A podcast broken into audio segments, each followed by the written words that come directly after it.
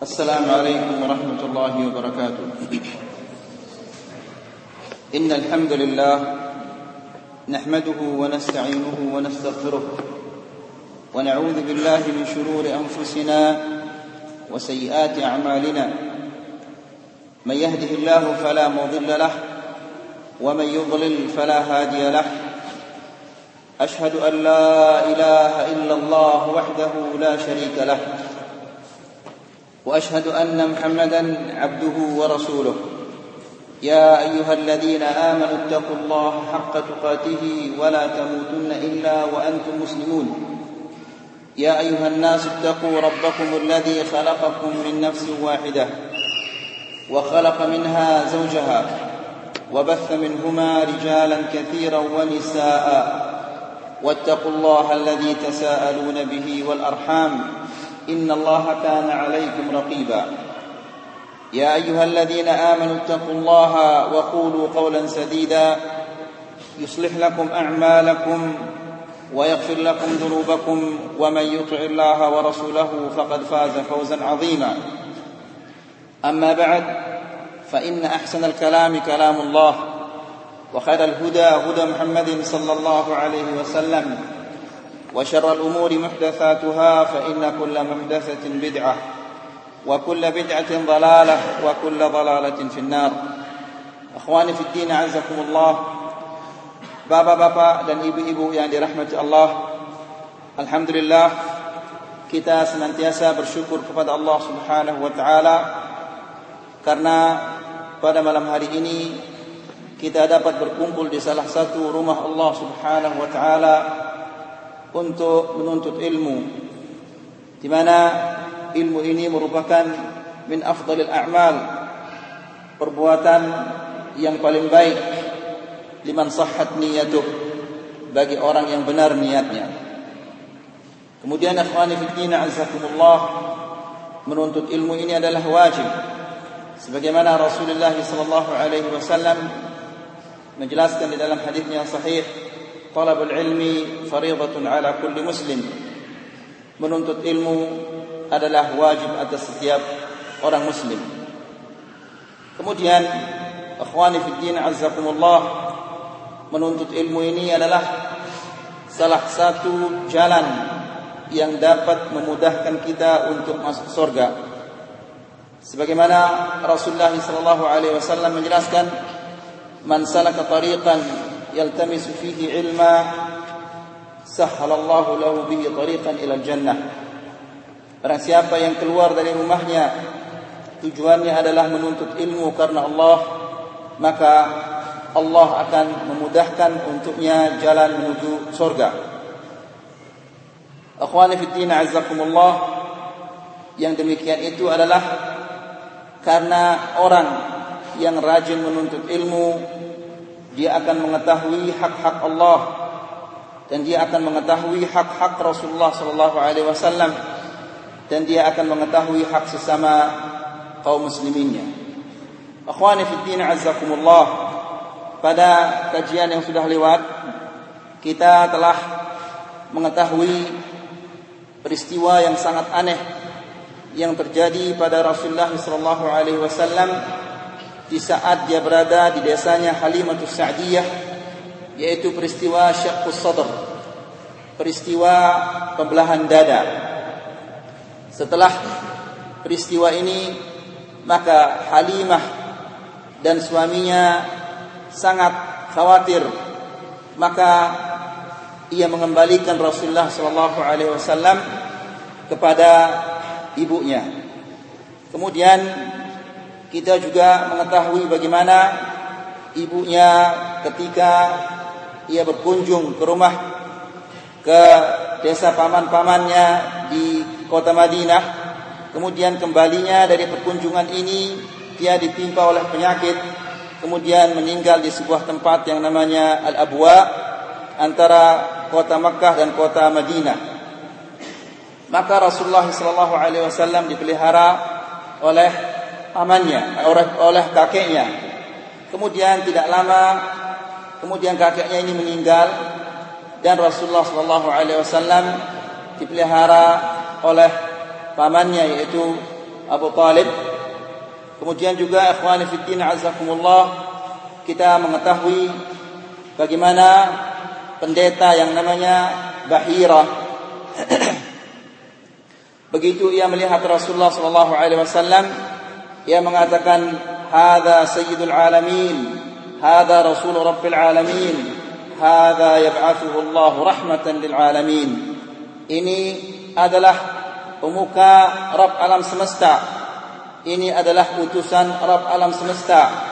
Ini adalah akan diutus oleh Allah Subhanahu wa taala sebagai rahmatan lil alamin. Kemudian juga kita menjelaskan tentang harbul fujar atau harbul fijar. Peperangan ini peperangan fujar atau peperangan al-fijar. Dan kita menjelaskan kenapa peperangan ini dinamakan peperangan al-fujar karena mereka mengabaikan kesucian dan kehormatan Makkahul Mukarramah dan juga melanggar bulan-bulan di mana Allah Subhanahu wa taala melarang mereka untuk berperang yaitu pada bulan Muharram dan Rajab dan Dzulqa'dah kemudian Dzulhijjah. Kemudian juga kita menjelaskan tentang Hilful Fudul. Sumpah atau janji setia Al-Fudul di mana suku-suku pecahan-pecahan suku Quraisy berjanji bersumpah dan berjanji untuk membantu setiap orang yang terzalimi baik dia itu adalah dari penghuni kota Mekah atau dia itu adalah dari luar kota Mekah. Sampai di sana yang kita sampaikan pada kajian kita yang sudah lewat. Sekarang kita lanjutkan hayatul amal. Kehidupan bekerjanya Rasulullah sallallahu alaihi wasallam sebelum dia menjadi nabi. Dijelaskan معلوم أن النبي صلى الله عليه وسلم ولد يتيما ونشأ في كفالة جده ثم عمه sebagaimana kita maklumi bahwa Rasulullah sallallahu alaihi wasallam ini dia dilahirkan dalam keadaan yatim kemudian dipelihara oleh kakeknya setelah itu dipelihara oleh pamannya walam yarith an abihi syai'an yughnih dan dia tidak mewarisi dari bapaknya itu apa-apa yang mencukupinya. Falamma balagha sinnan yumkinu al-amalu fihi 'adatan dan ketika ia mencapai usia di mana pada usia itu biasanya orang mulai bekerja ra'al ghanam ma'a ikhwatihi min ar-radha'ati fi bani Sa'ad maka Rasulullah sallallahu alaihi wasallam mulai memelihara mengembala kambing bersama saudara-saudara susuannya dari suku Bani Sa'ad. Raja'a ila Makkah ra'aha li ahliha ala qararit. Ketika Rasulullah sallallahu alaihi wasallam sudah kembali ke kota Makkah, maka dia mengembala mengembala kambing untuk penduduk Makkah ala qararit dengan upah yang sangat sederhana. Ya, bukan kambingnya dia tapi kambingnya orang di tembalai oleh Rasulullah sallallahu alaihi wasallam dengan diberi upah yang sederhana. Diperkirakan oleh para ahli sejarah, tararit upahnya Rasulullah sallallahu alaihi wasallam itu adalah asyra rialat, yaitu 10 real sekarang ini. Wara'ul ghanam, wara'ul ghanam min sunanil anbiya'i fi awaili hayatihim. Dan memelihara kambing ini merupakan sunnah para nabi sebelum mereka dijadikan nabi oleh Allah Subhanahu wa taala. Jadi sebelum mereka memelihara ummah, mereka digembleng oleh Allah Subhanahu wa taala untuk memelihara kambing karena memelihara kambing ini membutuhkan kesabaran yang luar biasa. Demikian juga orang yang menjadi pemimpin ummah dia harus memiliki kesabaran yang luar biasa. Faqad qala sallallahu alaihi wasallam marratan ba'da an akramahu Allah bin nubuwah. Rasulullah sallallahu alaihi wasallam pernah bersabda setelah ia menjadi nabi, "Ma min nabiyyin illa wara'aha." Tidak ada nabi yang diutus oleh Allah Subhanahu wa taala melainkan ia pernah memelihara kambing, pernah mengembala kambing. Jadi ini merupakan gembelengan dari Allah Subhanahu wa taala kepada nabi kita Muhammad sallallahu alaihi wasallam sebelum ia menjadi nabi. Shabba an-nabiy sallallahu alaihi wasallam wa balagha al-futuwah setelah Rasulullah sallallahu alaihi wasallam menjadi remaja, fakana yattajir. Dia mulai berniaga, mulai berdagang. Faqad warada annahu kana yattajir ma'a Sa'ib bin Abi Sa'id. Di masa remajanya permulaan perniagaannya dia adalah bersama seseorang yang bernama As-Sa'ib bin Abi Sa'id. Fakana khaira syarikin lah. Maka Rasulullah sallallahu alaihi wasallam merupakan teman kerja yang sangat bagus. Fakana la yujari. Rasulullah sallallahu alaihi wasallam ini la yujari, yakni kalau dia melihat temannya itu melakukan suatu kesalahan dia tidak diam. Langsung ditegur. Wala yumari dan dia tidak pernah tidak senang bertengkar dengan temannya ini. Wa urifa fi muamalatihi bi ghayatil amana was-sidq wal afaf.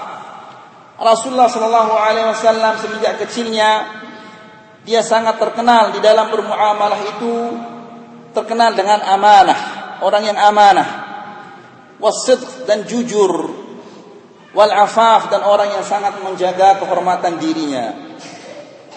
Wa kana hadha hadyuhu fi jami'i majalati hayatihi. Maka dalam semua aspek kehidupannya Rasulullah sallallahu alaihi wasallam dia selalu menjaga kejujurannya dan menjaga amanahnya dan menjaga kehormatannya. Sehingga dia dijuluki adalah apa? Al-amin. Karena Rasulullah Shallallahu Alaihi Wasallam adalah orang yang amanah dan orang yang jujur dan orang yang menjaga kehormatan dirinya. Dia tidak pernah berbohong tidak pernah menipu orang ya. Sehingga wajarlah Rasulullah Shallallahu Alaihi Wasallam satu-satunya orang yang pernah mendapatkan gelar yang sangat besar ini yaitu amin di bangsa Arab hanyalah Rasulullah sallallahu alaihi wasallam yang pernah mendapatkannya. Tidak pernah gelar ini diberikan kepada selain Rasulullah sallallahu alaihi wasallam. Kemudian safaruhu ila Syam wa tijaratuhu fi mali Khadijah. Berangkatnya Rasulullah SAW ke negeri Syam dan berniaga dengan hartanya uangnya Khadijah. Wa kanat Khadijah binti Khuwailid radhiyallahu anha min afdali nisa'i Quraisy syarafan wa mala. Khadijah radhiyallahu anha ini adalah orang yang paling baik keturunannya, paling mulia keturunannya dan orang yang paling banyak hartanya di kalangan suku Quraisy.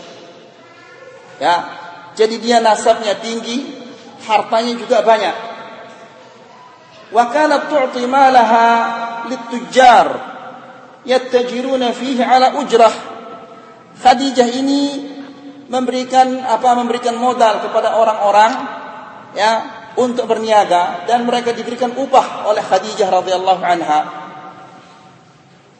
Falamma sami'at 'anil Nabi sallallahu alaihi wasallam ketika ia mendengarkan mendengar tentang sifat-sifatnya Rasulullah sallallahu alaihi wasallam yang jujur dan amanah aradat alaihi malaha liyakhruja fihi ila syam tajiran. Maka Khadijah ini menawarkan kepada Rasulullah sallallahu alaihi wasallam untuk berniaga dengan hartanya. Wa tu'tihi afdala ma a'tathu ghairuhu dan ia akan memberi Rasulullah sallallahu alaihi wasallam lebih daripada yang lain-lainnya. Karena Rasulullah sallallahu alaihi wasallam memiliki keistimewaan yang tidak dimiliki orang yang lain-lain yaitu kejujurannya dan amanahnya. Wa kharaja Rasulullah sallallahu alaihi wasallam ma'a gulamiha Maisarah ila Syam. Maka setelah ia diberikan harta uang oleh Khadijah untuk berniaga, maka Rasulullah sallallahu alaihi wasallam ini berangkat ke Syam bersama budaknya Khadijah yaitu Maisarah. Faba'a wabta' maka di Syam dia mulai berdagang dan membeli warabih ribhan aziman. Maka Rasulullah sallallahu alaihi wasallam mendapatkan keuntungan yang sangat besar. Wa hasala fi maliha min al-barakati ma lam yahsul min qabl. Maka setelah Rasulullah sallallahu alaihi wasallam berdagang dan berniaga dengan hartanya Khadijah ini, maka hartanya itu diberkahi diberkahi oleh Allah Subhanahu wa taala. Thumma raja'a ila Makkah wa adda al-amanah. Kemudian Rasulullah sallallahu alaihi wasallam kembali ke Makkah dan dia memberikan keuntungan-keuntungannya itu kepada Khadijah radhiyallahu anha. Kemudian akhwani fi din azakumullah.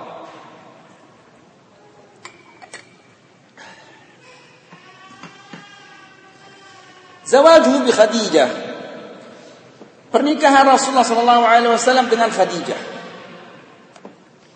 Wara'at Khadijah min al-amanati wal barakah ma yubhiru qulub. Khadijah melihat pada diri Rasulullah sallallahu alaihi wasallam keamanahan dan kejujurannya yang membuat hatinya apa ber hatinya Khadijah ini menjadi berbunga-bunga melihat Rasulullah sallallahu alaihi wasallam orang yang jujur dan orang yang amanah ini. Di samping itu juga wa qassa 'alaiha maisaratu ma ra'a fi an-nabi sallallahu alaihi wasallam min karami syama'id wa khilal. Di samping hatinya berbunga-bunga melihat Rasulullah Wasallam yang jujur ini, juga dia diceritakan oleh pembantunya yang namanya Maisarah tentang tingkah laku Rasulullah Wasallam dan akhlaknya selama perjalanan ke negeri Syam, selama dia berniaga berdagang di negeri Syam, diceritakan tentang akhlaknya Rasulullah. Ini menambah apa? Eh, ketertarikan hatinya kepada Rasulullah Sallallahu Alaihi Wasallam. Wa yuqal juga dikatakan bahwa Maisarah ini bercerita kepada Khadijah ba'dal khawariq tentang hal-hal yang aneh yang terjadi di saat perjalanan menuju Syam yaitu tadlilul malakaini lahu fil harri yaitu kedua malaikat yang melindungi yang menaungi Rasulullah sallallahu alaihi wasallam dari terik matahari ya ada awan yang menaungi Rasulullah sallallahu alaihi wasallam dari teriknya matahari فشعرت خديجة بنيل بغيتها فيه maka Khadijah ini melihat bahwa apa yang dicari-cari selama ini apa yang diinginkan oleh Khadijah selama ini ada pada Rasulullah sallallahu alaihi wasallam walaupun sebelumnya itu banyak pedagang-pedagang yang besar orang-orang yang kaya dari suku Quraisy yang ingin menikahi Khadijah ini namun ditolak semuanya ya namun sekarang Khadijah ini melihat apa yang diangan-angankan dan apa-apa yang dicita-citakan ada pada diri Rasulullah sallallahu alaihi wasallam. Fa arsalat ilaihi ihda sadiqatiha tubdi laha tubdi ragmataha fi zawaj lahu.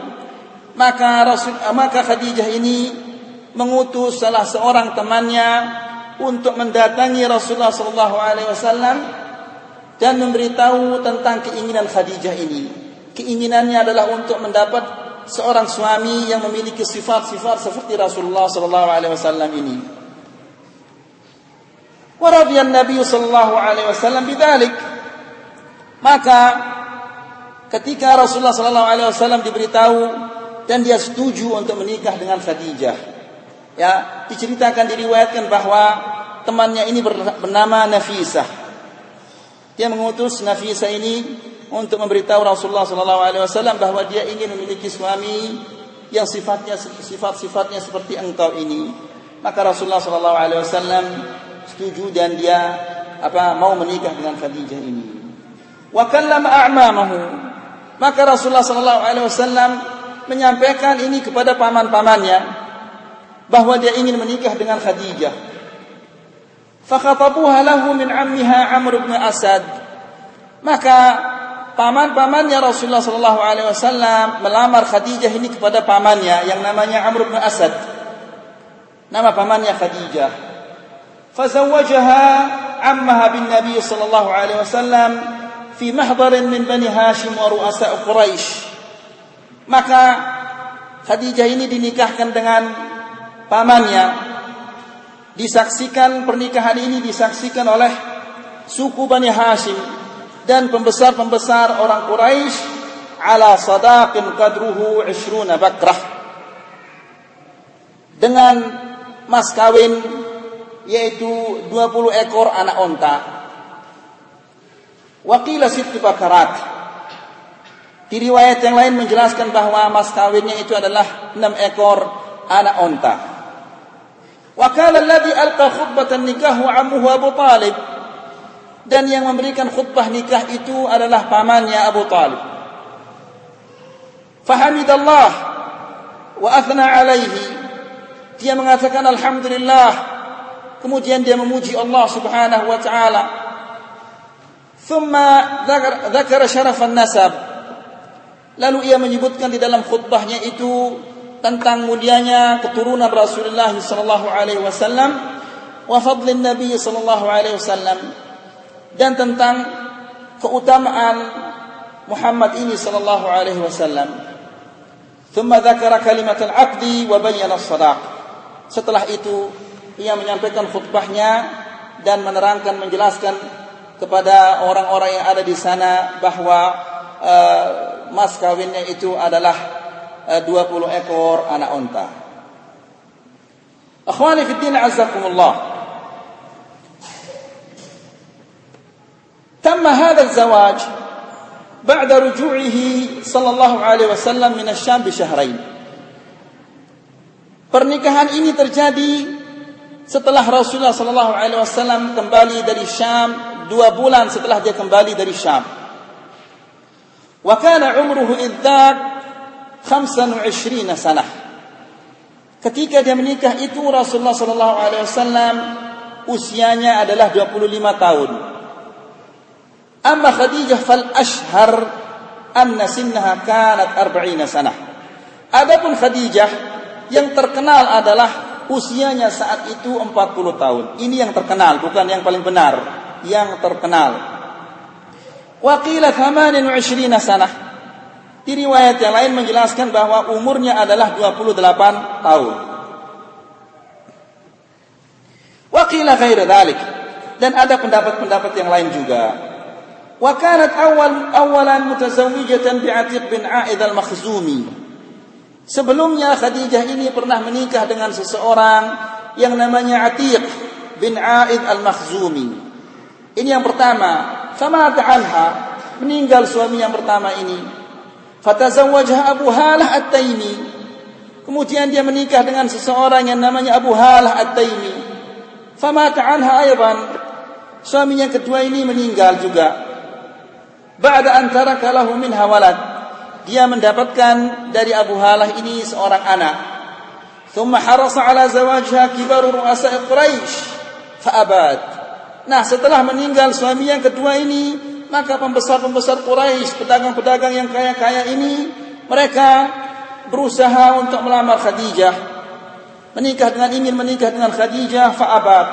Ditolak semuanya oleh Khadijah radhiyallahu anha hatta raqibat fi Rasulullah sallallahu alaihi wasallam wa tazawwaj bihi wa tazawwajat bihi sehingga Khadijah ini melihat sifat-sifat Rasulullah sallallahu alaihi wasallam yang begitu baik maka timbullah keinginannya untuk menikah dan untuk memiliki suami seperti Rasulullah sallallahu alaihi wasallam فسعدت به سعادة يغبطه يغبط عليه الأولين والأولون والآخرون maka Khadijah ini mendapatkan kebahagiaan-kebahagiaan yang menjadikan orang-orang terdahulu dan orang yang terakhir iri hati.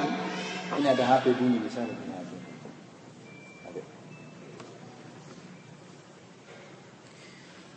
وهي أول أزواجه صلى الله عليه وسلم لم يتزوج عليها غيرها حتى ماتت Khadijah ini adalah istri Rasulullah sallallahu alaihi wasallam yang pertama Ketika dia bersama Khadijah itu Rasulullah Sallallahu Alaihi Wasallam tidak apa tidak nikah nikah lagi, tidak apa tidak poligami, ya hatta mata sehingga dia meninggal baru Rasulullah Sallallahu Alaihi Wasallam apa nikah yang dengan yang lain-lainnya. Wa kullu awladihi sallallahu alaihi wasallam minha illa Ibrahim fa innahu min Maria al-Qibtiyah. Semua anak-anaknya Rasulullah sallallahu alaihi wasallam itu dari Khadijah kecuali Ibrahim. Ibrahim ini didapati oleh Rasulullah sallallahu alaihi wasallam dari Maria Al-Qibtiyah. Akhwani fi din azakumullah.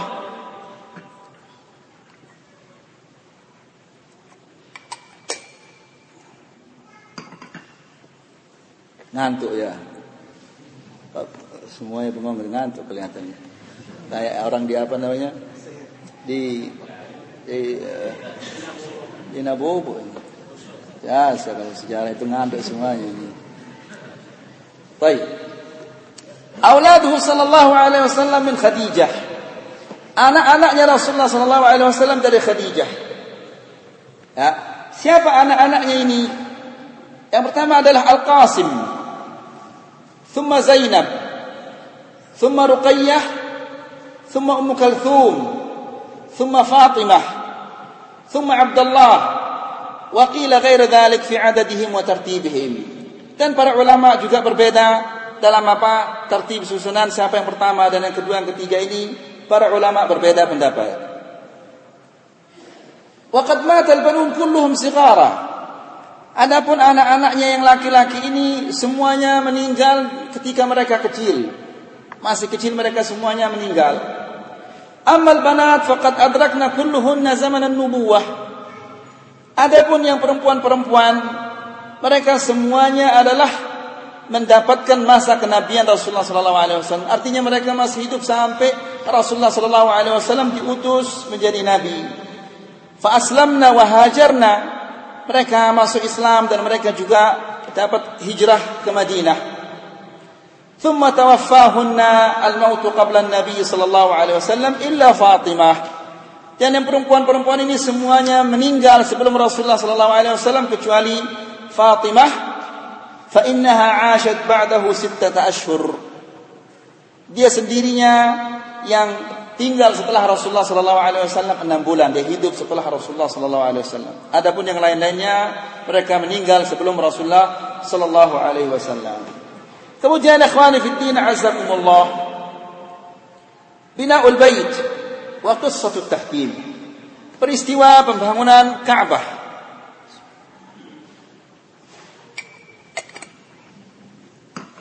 jadi Ka'bah ini yang dibangun oleh Ibrahim alaihissalam itu bukan seperti ini.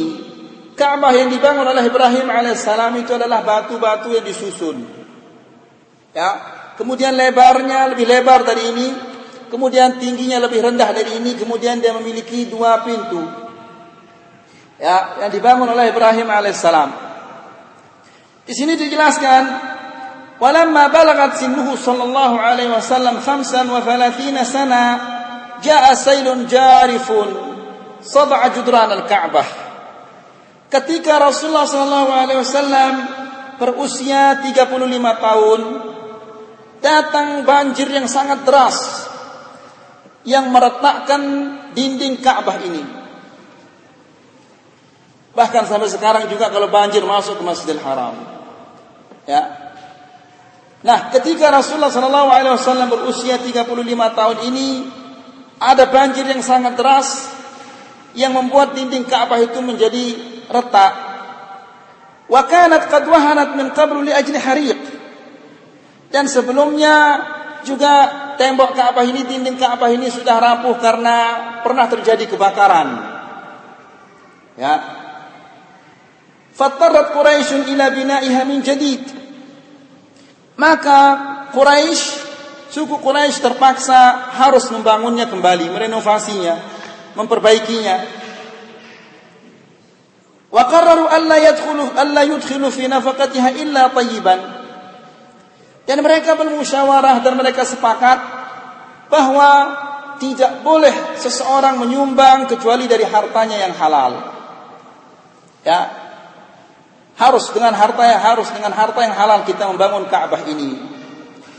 Fala yudkhilu fiha tidak boleh ada yang menyumbang lewat lewat hasil apa mahar upahnya berzina ya. Tidak boleh. Wala bai'a riba. Juga tidak boleh orang menyumbang dari hasil riba. Wala li ahadin dan juga tidak boleh orang itu menyumbang dari dari harta yang hasil kezaliman. Artinya diambil dari orang lain tanpa hak. Jadi sampai seperti itu orang-orang jahiliyah ini menghormati Ka'bah itu. Ya. Harta mereka banyak namun yang halal itu sedikit. Wahabu iqab Allah ala hadmiha. Pada awalnya mereka ragu-ragu dan mereka takut untuk meruntuhkan Ka'bah ini. Jangan-jangan Allah Subhanahu wa taala menurunkan siksaan kepada kita. Karena mereka memiliki pengalaman-pengalaman yang begitu banyak.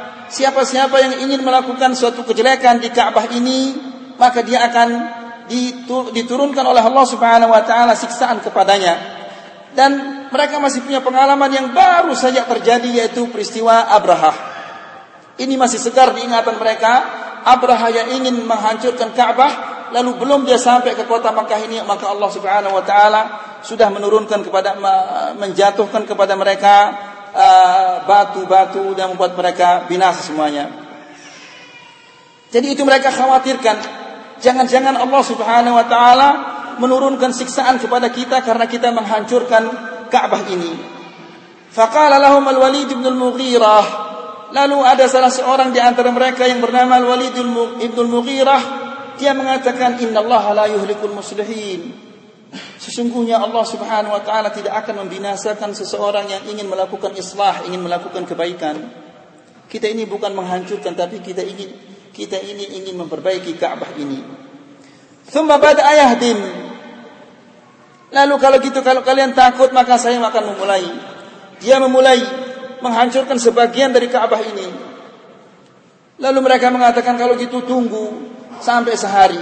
Seandainya engkau ditimpa oleh penyakit atau engkau mati besok maka kita tidak jadi menghancurkannya.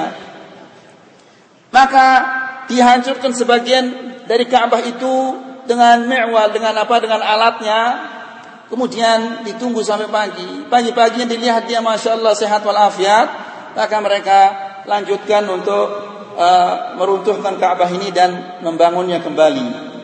Fatabi'uhu fi hadmiha. Maka mereka mengikuti Al-Walid bin Mughirah ini meruntuhkan Ka'bah ini hatta wasalu ila qawaid Ibrahim. Ketika mereka meruntuhkan itu, sampailah mereka itu kepada dasar yang dibangun oleh Ibrahim alaihissalam. Oleh karena itu, para ulama sejarah itu berbeda pendapat yang membangun Ka'bah ini siapa sebenarnya?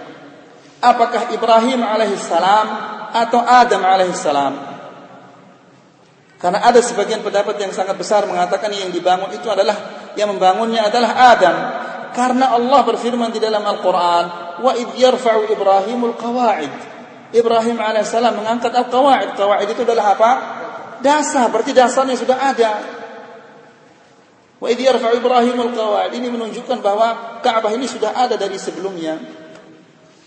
Ya, sehingga di zaman Nuh alaihissalam datang banjir yang begitu besar yang merusakkan Ka'bah ini lalu dibangun kembali oleh Ibrahim alaihissalam. Kemudian hatta wasalu bihi hatta wasalu biha ila qawaid Ibrahim. Mereka meruntuhkan Ka'bah ini sampai mereka kepada apa pondasi yang dibangun oleh Ibrahim alaihissalam. Thumma akhadu fil bina. Dan mereka mulai membangunnya, membangun Ka'bah ini. Wa khassasu minha. Dan setiap suku mengambil bagian dari Ka'bah ini. Suku ini membangun bagian di sini, suku ini membangun di sini, suku ini membangun di sini. Ya, masing-masing suku ada bagian-bagiannya. Wa kana al-ashrafu yahmiluna al-hijara ala a'naqihim. Dan pembesar-pembesar Quraisy ini baik dari suku Quraisy dan suku-suku yang lain mereka ikut apa? Mengangkat batu. Ya. Wa kana Rasulullah sallallahu alaihi wasallam wa ammuhu al-Abbas fi man yahmil. Dan Rasulullah sallallahu alaihi wasallam bersama pamannya yang namanya Abbas ini termasuk orang-orang yang apa yang ikut memikul batu untuk pembangunan Ka'bah ini. Wa tawalla al-bina'u banna'an rumiyun banna'un rumiyun ismuhu Baqum. Kemudian yang menangani pembangunannya ini adalah seorang banna, seorang tukang dari Rum namanya Baqum. Ya. Wa taqat bihim an-nafqatu at-tayyibah. Di tengah bangunan, di tengah pembangunan ini harta uang mereka yang halal itu habis. Yang halal habis. Kalau yang haram banyak. harta mereka yang halal itu habis. An itmamiha ala qawaid Ibrahim. Harta mereka itu habis, tidak cukup untuk membangunnya seperti apa membangunnya menurut dasar yang dibangun oleh Ibrahim alaihissalam. Karena Ka'bah yang dibangun oleh Ibrahim alaihissalam itu lebih besar dari Ka'bah ini. Maka harta mereka untuk membangunnya menurut kawaid Ibrahim itu tidak cukup. Ya, fa akhraju minha sittata adru' min jihati shimal. Maka mereka mengeluarkan dari dari dasar eh, dasarnya yang dibangun oleh Ibrahim alaihissalam itu enam hasta. Jadi ikhwani fi din. Ya, kalau kita gambarkan ini adalah Ka'bah. Ya, dan di sini ada apa? Setengah lingkaran. Ya, ada setengah lingkaran itu. Sebetulnya Ka'bah yang dibangun oleh Ibrahim alaihissalam sampai di sana sampai setengah lingkaran itu. Namun karena uang mereka itu tidak cukup, uang yang halal itu tidak cukup, ya, maka mereka bangunnya sampai di sini. Dan ini diberi tanda bahwa kawaid Ibrahim, dasar Ibrahim itu adalah sampai di sini. Ya. Ya mudah-mudahan Bapak pernah melihat gambar. Baik. Wabanu 'alaiha jidaran qasiran alamatan annahu min al-Ka'bah. Lalu mereka membangunkan apa setengah tembok dan setengah lingkaran ini untuk menunjukkan bahwa Ka'bah yang dibangun oleh Ibrahim alaihissalam itu adalah sampai di sana. Jadi bapak-bapak kalau sholat berjamaah tidak boleh bapak sholat di, di dalam tengah lingkaran itu. Ya atau dinamakan al-hatim atau hijr Ismail. Tidak boleh bapak salat berjamaah di sana. Kalau bapak salat berjamaah di sana berarti bapak salat berada di depan imam. Karena itu adalah bagian dari Ka'bah. Makanya tidak boleh kita tawaf ke sana ke dalam apa tengah lingkaran itu. Itu berarti kita masuk ke dalam Ka'bah itu. Jadi karena harta mereka tidak cukup ya untuk membangunnya menurut kawaid Ibrahim alaihissalam maka mereka cukupkan sampai di sana dan mereka bikinkan lingkaran tengah lingkaran ya sebagai tanda bahwa uh, Ibrahim adalah sampai di sini. Ka'bah atau pondasinya Ibrahim alaihissalam itu adalah sampai di sini. Walamma walamma wasala al-bunyan ila mawdi' al-hajar al-aswad dan ketika pembangunan ini sudah sampai kepada posisi al-hajar al-aswad ini arada kullu ra'isin an yatasharrafa biwad'ihi fi makanih. Setiap pembesar dari suku Quraisy dan suku-suku yang lain ini merasa dirinya lebih berhak untuk meletakkan Al-Hajar Al-Aswad ini pada posisinya. Ya. Hajarul Aswad namanya Al-Aswad tapi pada hal sebelumnya Rasulullah sallallahu alaihi wasallam menjelaskan bahwa Hajarul Aswad ini lebih putih dari susu. Tapi dia menjadi hitam karena banyaknya dosa-dosa manusia ini. Ya. Jadi Hajar Aswad saja terpengaruh dengan dosa-dosa kita apalagi yang lain-lainnya. Baik. Maka ketika pembangunan ini sudah sampai kepada posisi Hajar Aswad ini semua pembesar-pembesar dari suku Quraisy dan suku-suku yang lainnya ini merasa dirinya lebih berhak untuk meletakkan Al-Hajar Al-Aswad ini pada posisinya. Fawaqa niza'un wa khilaf. Maka terjadilah di antara mereka perselisihan dan perbedaan pendapat. Wastamarra arba'ata ayyam au khamsah. Perselisihan dan perbedaan pendapat ini berlangsung sampai empat hari atau lima hari. Wa kada an yatahawwala ila harbin damiyatin fil haram. Sehingga hampir saja terjadi pertumpahan di Makkah di Masjidil Haram. Gara-gara perbedaan pendapat siapa yang lebih berhak untuk meletakkan Al-Hajar Al-Aswad ini pada posisinya. Illa anna Aba Umayyah bin Mughirah al-Makhzumi tadarakaha bihikmatin. Akan tetapi ada seseorang yang bernama Abu Umayyah bin Mughirah al-Makhzumi dia dapat mengatasi permasalahan ini. Dan dia termasuk adalah asan rajulin fi Quraisy. Di saat itu Abu Umayyah al-Makhzumi ini dia adalah orang yang tertua dari suku Quraisy. فاقترح عليهم أن يحكموا أن يحكموا أول رجل يدخل عليه من باب المسجد Maka dia mengusulkan ya begini saja supaya kita jangan ribut-ribut, supaya kita jangan bertengkar, jangan terjadi tumpah darah. Saya usulkan kepada kalian bahwa kita kita jadikan hakim orang yang pertama yang masuk dari pintu Masjidil Haram ini. Itu yang kita jadikan sebagai hakim di antara kita untuk menyelesaikan permasalahan ini. Ya. fakabilu dalik. Dan semua mereka adalah setuju. Ya, untuk dijadikan hakim di antara mereka itu adalah orang yang masuk dari pintu Masjidil Haram ini.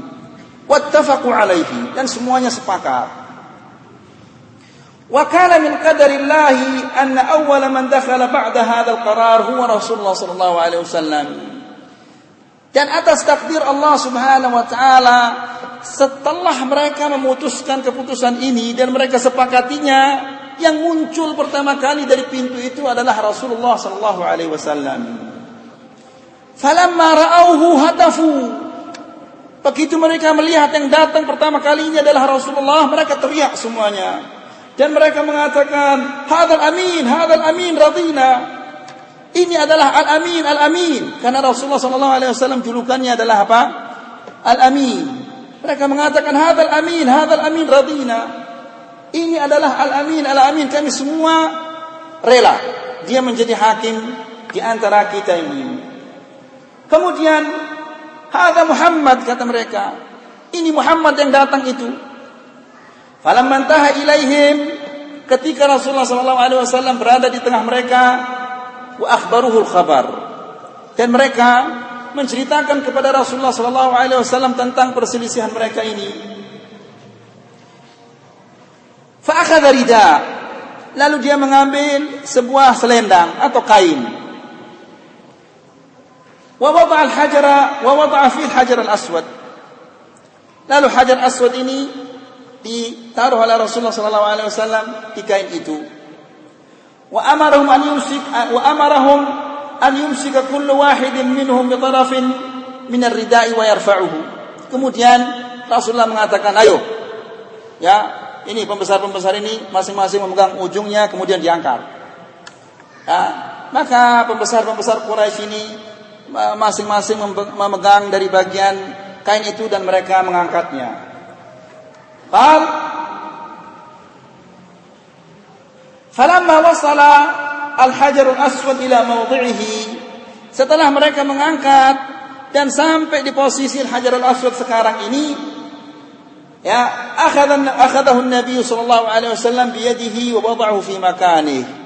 Maka al-hajar al-aswad itu diambil oleh Rasulullah sallallahu alaihi wasallam dan ditaruh diletakkan di posisinya yang ada sekarang ini. Wa kana halan hasifan radiya bihi al-jami' Tindakan Rasulullah SAW ini adalah merupakan tindakan yang sangat bijaksana yang disetujui oleh semua orang yang ada di saat itu dan pertengkaran di antara mereka itu hilang. Ya. Wal hajarul aswad yartafi'u an ardil mataf mitran wa nisfu mitr. Mereka jadikan al hajarul aswad ini jaraknya dari al mataf, al mataf itu apa tempat orang tawaf itu namanya mataf. Dari mataf ke Hajar Aswad itu jaraknya adalah apa? Satu setengah meter. Amal bab faqad rafa'uhu nahwa mitrain hatta la yadkhula illa man aradu. Adapun pintu Ka'bah ini dulunya dua Nabi mereka jadikannya satu. Dan dulunya di bawah namun mereka sekarang angkat lebih dua meter. Tujuannya adalah supaya jangan ada orang yang boleh masuk ke ke dalam kecuali atas izin dari Quraisy. Ya, kalau dulu bebas orang masuk, ada jalannya masuk, ada jalannya keluar. Namun sekarang pintu itu diangkat dan tidak boleh sembarangan orang masuk sekarang kecuali ada izin dari uh, dari orang Quraisy. Dan sekarang kunci Ka'bah ini dipegang oleh apa? Suku Bani Syaibah. Ya, sampai sekarang dan keturunan-keturunan mereka, anak mereka. Jadi kalau musim menjelang musim haji, ya keturunan uh, Bani Syaibah ini uh, membuka Ka'bah, kemudian mereka nyapu, mereka membersihkannya dari tahun ke tahun dan ini Rasulullah Shallallahu alaihi wasallam memberi tugas ini kepada mereka. Ya, Hatta Raja Raja Abdullah kalau dia mau masuk ke Ka'bah tidak boleh dia sembarangan masuk kecuali dia minta izin dulu dari suku Bani Syaibah ini baru dia dikasih kuncinya dan dia mem membersihkannya, menyapunya, mencucinya dan yang lain-lainnya. Kemudian amal judran farafa'uha 18 dira'. Adapun temboknya diangkat oleh Quraisy ini 18 dira'. 18 hasta. Wa kanat 'ala nisf min dhalik. Sebelumnya adalah setengahnya. Nasabu fi dakhil al-Ka'bah sittah a'midah fi saffain. Lalu mereka tegakkan di dalam Ka'bah ini enam tiang. Ada enam tiang di dalam Ka'bah ini. Thumma saqafuha lalu mereka membangun membuatkan Ka'bah ini apa? Atap. Dulunya dia tidak pakai atap dan tidak ada tiang. Ya. ثم سقفوا على ارتفاع خمسة عشر ذراعا وكانت من قبل بدون سقف ولا عمود dan sebelumnya Ka'bah ini tanpa tidak ada tiang-tiangnya dan juga tidak ada atapnya. Itulah peristiwa uh, uh, binaul Ka'bah, pembangunan Al-Ka'bah itu. Kemudian ikhwani fi din azzakumullah. Siratuhu sallallahu alaihi wasallam qabla al-bi'tsah. Bagaimana secara umum perilaku Rasulullah sallallahu alaihi wasallam sebelum sebelum dia diutus menjadi nabi? Ini secara umum. Rasulullah sallallahu alaihi wasallam dijelaskan nasya mundu sibahu salim al-aql Semenjak kecil Rasulullah Sallallahu Alaihi Wasallam ini akalnya selamat, artinya bagus, tidak ada gangguan akalnya. Wafir kuwah dan tubuhnya kuat semenjak dia kecil. Nazih al janib dia memiliki akhlak-akhlak yang bagus. Wasyabba wa nabaj wa huwa jami'un sifat al hamidah. Rasulullah sallallahu alaihi wasallam menjadi remaja dengan menghimpun sifat-sifat yang terpuji. Ya. Fakala tirazan rafi'an min al-fikr as-sa'ib. Rasulullah Shallallahu Alaihi Wasallam merupakan tipe yang tinggi di dalam berfikir yang benar. Wanda baru sedih dan pandangan yang tepat. Dari semenjak dia kecil sudah dia pikirannya itu benar caranya berfikir. Wa mithalan nihaiyan fi makarimil akhlaq. Dan Rasulullah sallallahu alaihi wasallam ya teladan yang puncak atau teladan yang paling tinggi di dalam makarimil akhlak akhlak akhlak yang bagus imtaza bisidqi dia adalah orang yang jujur Jujur ini adalah sesuatu yang terpuji dan orang Arab semenjak dulu sah, semenjak dahulu mereka itu adalah memuji sifat kejujuran ini. Ya. Itu di antara sifat-sifatnya orang-orang jahili yang yang istimewa mereka itu adalah menjunjung menjunjung tinggi kejujuran itu. Wal amanah dan amanah. Wal muru'ah dan peri kemanusiaan. Wasyaja'ah dan Rasulullah adalah orang yang pemberani. Wal adl dia adalah orang yang adil. Wal hikmah, dia adalah orang yang bijaksana. Wal iffah, Rasulullah sallallahu alaihi wasallam semenjak kecil adalah orang yang menjaga kehormatannya, auratnya tidak pernah dilihat. Ya, tidak seperti orang sekarang yang yang mengobral auratnya sana sini. Ya. Wazuhud, Rasulullah sallallahu alaihi wasallam adalah orang yang zuhud. Wal qanaah, dia memiliki sifat qanaah merasa cukup dengan apa yang diberikan oleh Allah Subhanahu wa taala. Wal hulm Rasulullah sallallahu alaihi wasallam adalah orangnya pemaaf. Dari dulu ini sifat-sifat dimiliki oleh Rasulullah sallallahu alaihi wasallam wasabr wasyukur dan dia adalah orang yang semenjak semenjak remajanya dia adalah orang yang sabar dan selalu bersyukur kepada Allah. Wal haya dan dia adalah orang yang pemalu. Wat tawadhu dan dia adalah orang yang tawadhu merendah diri kepada Allah Subhanahu wa taala. Wa kana ala a'la qimmatin fil birri wal ihsan. Dan Rasulullah Shallallahu Alaihi Wasallam ini berada pada puncak kebaikan. Sehingga pamannya Abu Talib mengatakan, wa abyad yustasqal ghamamu biwajhihi thimalul yatama ismatul aramili. Pamannya itu memuji Rasulullah Shallallahu Alaihi Wasallam di saat dia remaja. Dia mengatakan wa abyad. Abyad artinya dia kulit kulitnya putih. Yustasqal ghamamu biwajhihi diminta kepada Allah turunnya hujan dengan wajahnya. Artinya dia bertawassul kepada Allah lewat Rasulullah sallallahu alaihi wasallam. Thimalul yatama ismatul aramil. Dia adalah pelindung anak-anak yatim dan wanita-wanita janda. Wa kana wasulan lirrahim. Rasulullah sallallahu alaihi wasallam adalah orang yang menyambung silaturahminya. Hamulan lima yuthqilu kawahilin nas Rasulullah Shallallahu Alaihi Wasallam suka membantu orang yang terbebani. Ya, yusa'idu man a'dam al-aish hatta yusib al-kasba. Rasulullah Shallallahu Alaihi Wasallam suka membantu orang yang tidak memiliki apa-apa. Orang yang fakir yang tidak mendapatkan apa-apa dibantu oleh Rasulullah Shallallahu Alaihi Wasallam.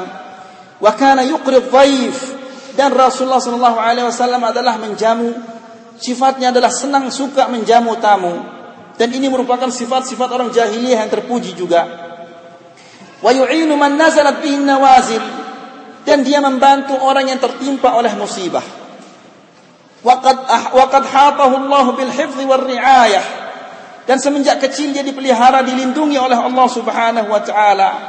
Wa baghaba ilaihi ma kana fi qaumihi min khurafatin wa su' dan Allah Subhanahu wa taala membuatnya benci terhadap apa yang dilakukan oleh apa? Oleh kaumnya. Falam yashhad a'yad al-awthan. Dia tidak pernah menghadiri hari raya-hari raya berhala-berhala itu. Wahtifalat syirk dan dia tidak pernah menghadiri perayaan-perayaan kesyirikan. Walam ya'kul mimma dhubiha 'ala nusub dan Rasulullah Shallallahu Alaihi Wasallam tidak pernah memakan sembelihan yang sembelihan sembelihan yang disembelih untuk patung itu. Li ghairillah atau yang disembelih atas nama selain Allah. Wa kana la yasbiru ala sama'il la yasbiru ala sama'il hilf billat wal uzza. Rasulullah sallallahu alaihi wasallam tidak sabar, langsung marah apabila mendengar seseorang bersumpah dengan nama Lati wal Uzza. Karena orang-orang jahiliyah itu selalu mereka itu kalau bersumpah tidak bersumpah dengan dengan nama Allah. Wallahi wa ta'ala tidak seperti itu. Sumpah mereka wallati wal uzza demi Lat dan demi Uzza. Ya. Nah, Rasulullah sallallahu alaihi wasallam tidak sabar. Marah kalau mendengar seseorang bersumpah dengan nama Lati wal Uzza. Fadlan an masil asnam atau taqarrub ilaiha Apalagi Rasulullah SAW pernah menyentuhnya atau bertakarub kepada patung itu tidak pernah. Mendengar namanya saja sudah marah, apalagi menyentuhnya. Wa kana ab'adun nasi an syurbil khamr. Rasulullah SAW adalah orang yang paling jauh dari minum khamr. Dia tidak pernah minum khamr. Wa syuhudul malahi. Dan Rasulullah SAW adalah orang yang paling jauh tidak pernah menghadiri ke majlis-majlis apa permainan-permainan itu. Hatta annahu lam yahdur majalis was-samar. Dia tidak pernah menghadiri tempat hiburan-hiburan dan tempat begadang. Jadi kalau sekarang ada istilahnya apa? diskotik, ya di zaman jahiliyah juga ada tempat orang begadang, ada tempat orang apa? samar. Samar itu begadang. Ya, bermain-main. Nah, Rasulullah SAW tidak pernah menghadiri tempat hiburan-hiburan dan tempat begadang yang seperti ini. Allati kanat muntazahu syabab. Di mana tempat-tempat seperti ini adalah tempat perkumpulannya para remaja di malam hari. Wa multaqal ahibbah, tempat bertemunya orang yang apa? saling saling uh, memadu cinta dan saling sayang menyayangi ya di kota Makkah. Ya. Dan tempatnya kalau uh, antum buka tentang sejarah Mekah di sini ada tempatnya orang samar, di sini tempatnya Bani Fulan begadang, di sini tempatnya ya itu sama seperti sekarang diskotik dan yang lain-lainnya. Baik kita cukup sampai di sini. Mudah-mudahan apa yang kita sampaikan ini ada manfaatnya dan mudah-mudahan apa yang kita sampaikan ini bisa menambah kecintaan kita kepada Rasulullah Sallallahu Alaihi Wasallam dan bisa menambah semangat kita untuk menjalankan sunnahnya أقول قولي هذا وآخر دعوانا أن الحمد لله رب العالمين والسلام عليكم ورحمة الله وبركاته